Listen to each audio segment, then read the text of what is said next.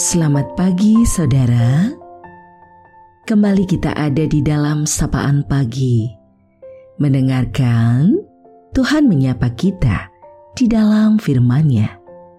Namun, sebelumnya mari kita naikkan doa terlebih dahulu. Terima kasih Tuhan, penyertaan-Mu senantiasa dalam sepanjang hidup ini kami hendak mengawali hari baru yang kau beri dengan berserah penuh kepada engkau untuk mendengar, merasakan, memahami untuk belajar melakukan firman-Mu di dalam kehidupan. Amin. Saudaraku yang terkasih di dalam Tuhan Yesus, sapaan dalam firman-Nya akan kita terima bersama melalui bagian Ibrani pasal 13 di ayat 5b.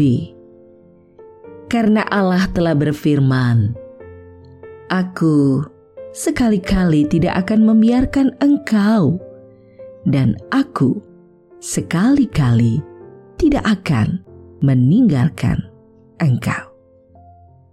Kita akan refleksikan dalam tema Tuhan selalu ada bersama-sama kita. Saudara, dalam suka dan duka hidup yang teruntai di setiap hari, di setiap waktu yang kita jalani, penyertaan Tuhan tak pernah berhenti. Ia ada, meneguhkan, dan terus memberikan pertolongannya. Tuhan mengenal kita. Ia hadir dalam banyak hal. Dan ini pula yang sungguh dirasakan oleh Ibu Sally dan keluarganya di saat dalam situasi yang begitu sulit bagi mereka. Di saat mereka sungguh membutuhkan Tuhan dan kehadirannya nyata. Mari kita dengarkan penuturan Ibu Sally. Shalom, salam dalam kasih Tuhan Yesus Kristus. Saya Sally, saya warga GKJ Pakem dari kelompok AKP yang saat ini berdomisili di Jakarta. Saya ingin berbagi cerita tentang kebaikan Tuhan dalam hidup saya ya. Beberapa waktu yang lalu, saat cerita ini sampai ke Bapak Ibu, satu saya adalah penyintas COVID-19. Kami seluruh keluarga dinyatakan positif. Kami tertular melalui suami saya. Saat kami terpapar hal yang sangat sulit kami rasakan itu ketika kami sakit, kami butuh obat sementara tracer dari puskesmas belum menghubungi kami, belum memberi obat. Kami harus mencari sendiri obat-obatan dan vitamin. Sementara di apotek-apotek di dekat pemukiman kami itu banyak yang kosong bahkan untuk mencari paracetamol saja susah. Saat itu juga di Indonesia sedang puncak-puncaknya korban berjatuhan. Kami sudah berusaha untuk membatasi melihat sosial media.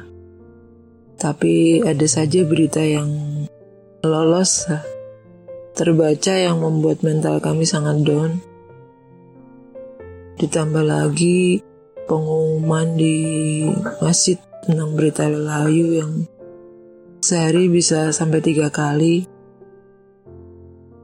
Bahkan dalam sekali pengumuman pernah ada dua dua orang yang meninggal yang diumumkan.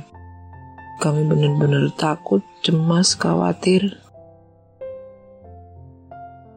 Di satu sisi, di sisi lain kami juga sangat merasakan tidak enak dalam tubuh kami, terutama saya yang juga terkena asam lambung, mual.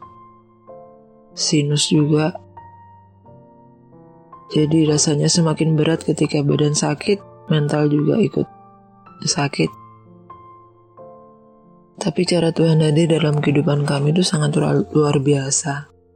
Jadi lewat dokter keluarga dan teman-teman kami yang juga sangat mensupport,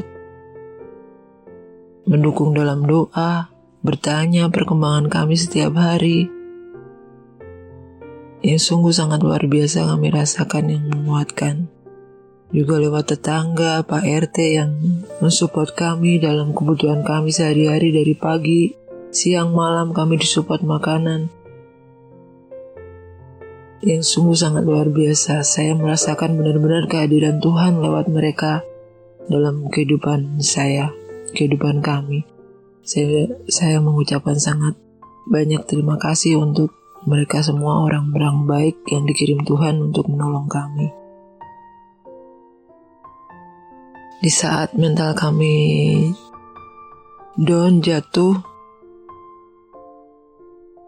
di saat itu saya melihat status seorang teman tentang lagu rohani yang dinyanyikan oleh Anmes. Di situ saya seperti benar-benar merasakan nyata kehadiran Tuhan dalam hidup saya. Seolah-olah Tuhan berkata, Kenapa kamu melihat ke mana-mana? Kenapa kamu tidak melihat ke aku? Tanganku tak kurang panjang untuk menolongmu. Tanganku adalah tangan yang penuh kuasa yang akan menyembuhkanmu dari sakit penyakitmu. Di situ saya merasa benar-benar Tuhan menegur, Tuhan meluk, menolong kami sehingga perlahan-lahan mulai ada semangat untuk ayo melawan sakit ini dengan terus berusaha makan, berusaha minum yang banyak, berusaha untuk bangkit dan sembuh. Dan akhirnya puji Tuhan kami semua bisa melewati masa isolasi mandiri kami. Dan akhirnya uh, bisa menyelesaikannya dengan baik. Hanya tinggal gejala-gejala ringan batuk-batuk. Inilah cerita kami Bapak Ibu yang semoga menginspirasi bahwa kehadiran Tuhan dalam kehidupan kami nyata dalam pertolongan, doa, dukungan, semangat keluarga, teman-teman, dan juga tetangga-tetangga. Tuhan sungguh baik.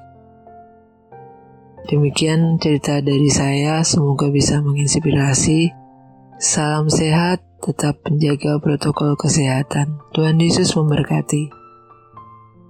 Saudaraku, demikianlah segala penyertaan itu di dalam kehidupan. Kita berserah kepadanya, sebab Dialah yang memiliki hidup kita dia katakan, Aku sekali-kali tidak akan membiarkan engkau dan sekali-kali tidak akan meninggalkan engkau. Dia menopang kita. Saudara, kita akan mengakhiri sapaan pada saat ini dengan berdoa. Mari kita berdoa bersama. Ya Tuhan, penyertaan-Mu sungguh senantiasa dalam sepanjang waktu hidup kami. Nyata, sebagaimana dirasakan oleh keluarga kami saat mereka dalam kondisi yang sungguh sulit, dalam segala khawatir, takut, dan cemasnya. Engkau hadir.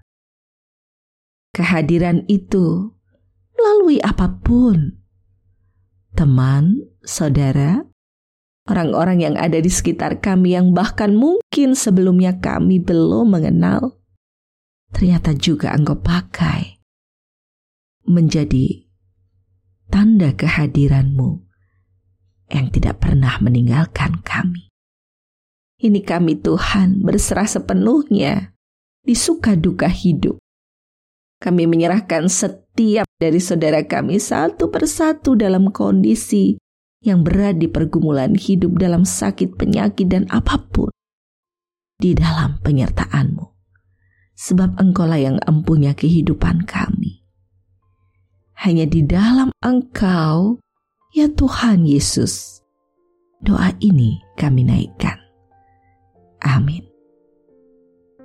Saudaraku, demikianlah sapaan pada pagi hari ini.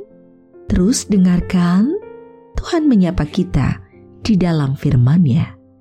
Saudara bersama saya, Esti Widya Stuti, Pendeta Jemaat Gereja Kristen Jawa Pakem, dan ada di lereng Gunung Merapi.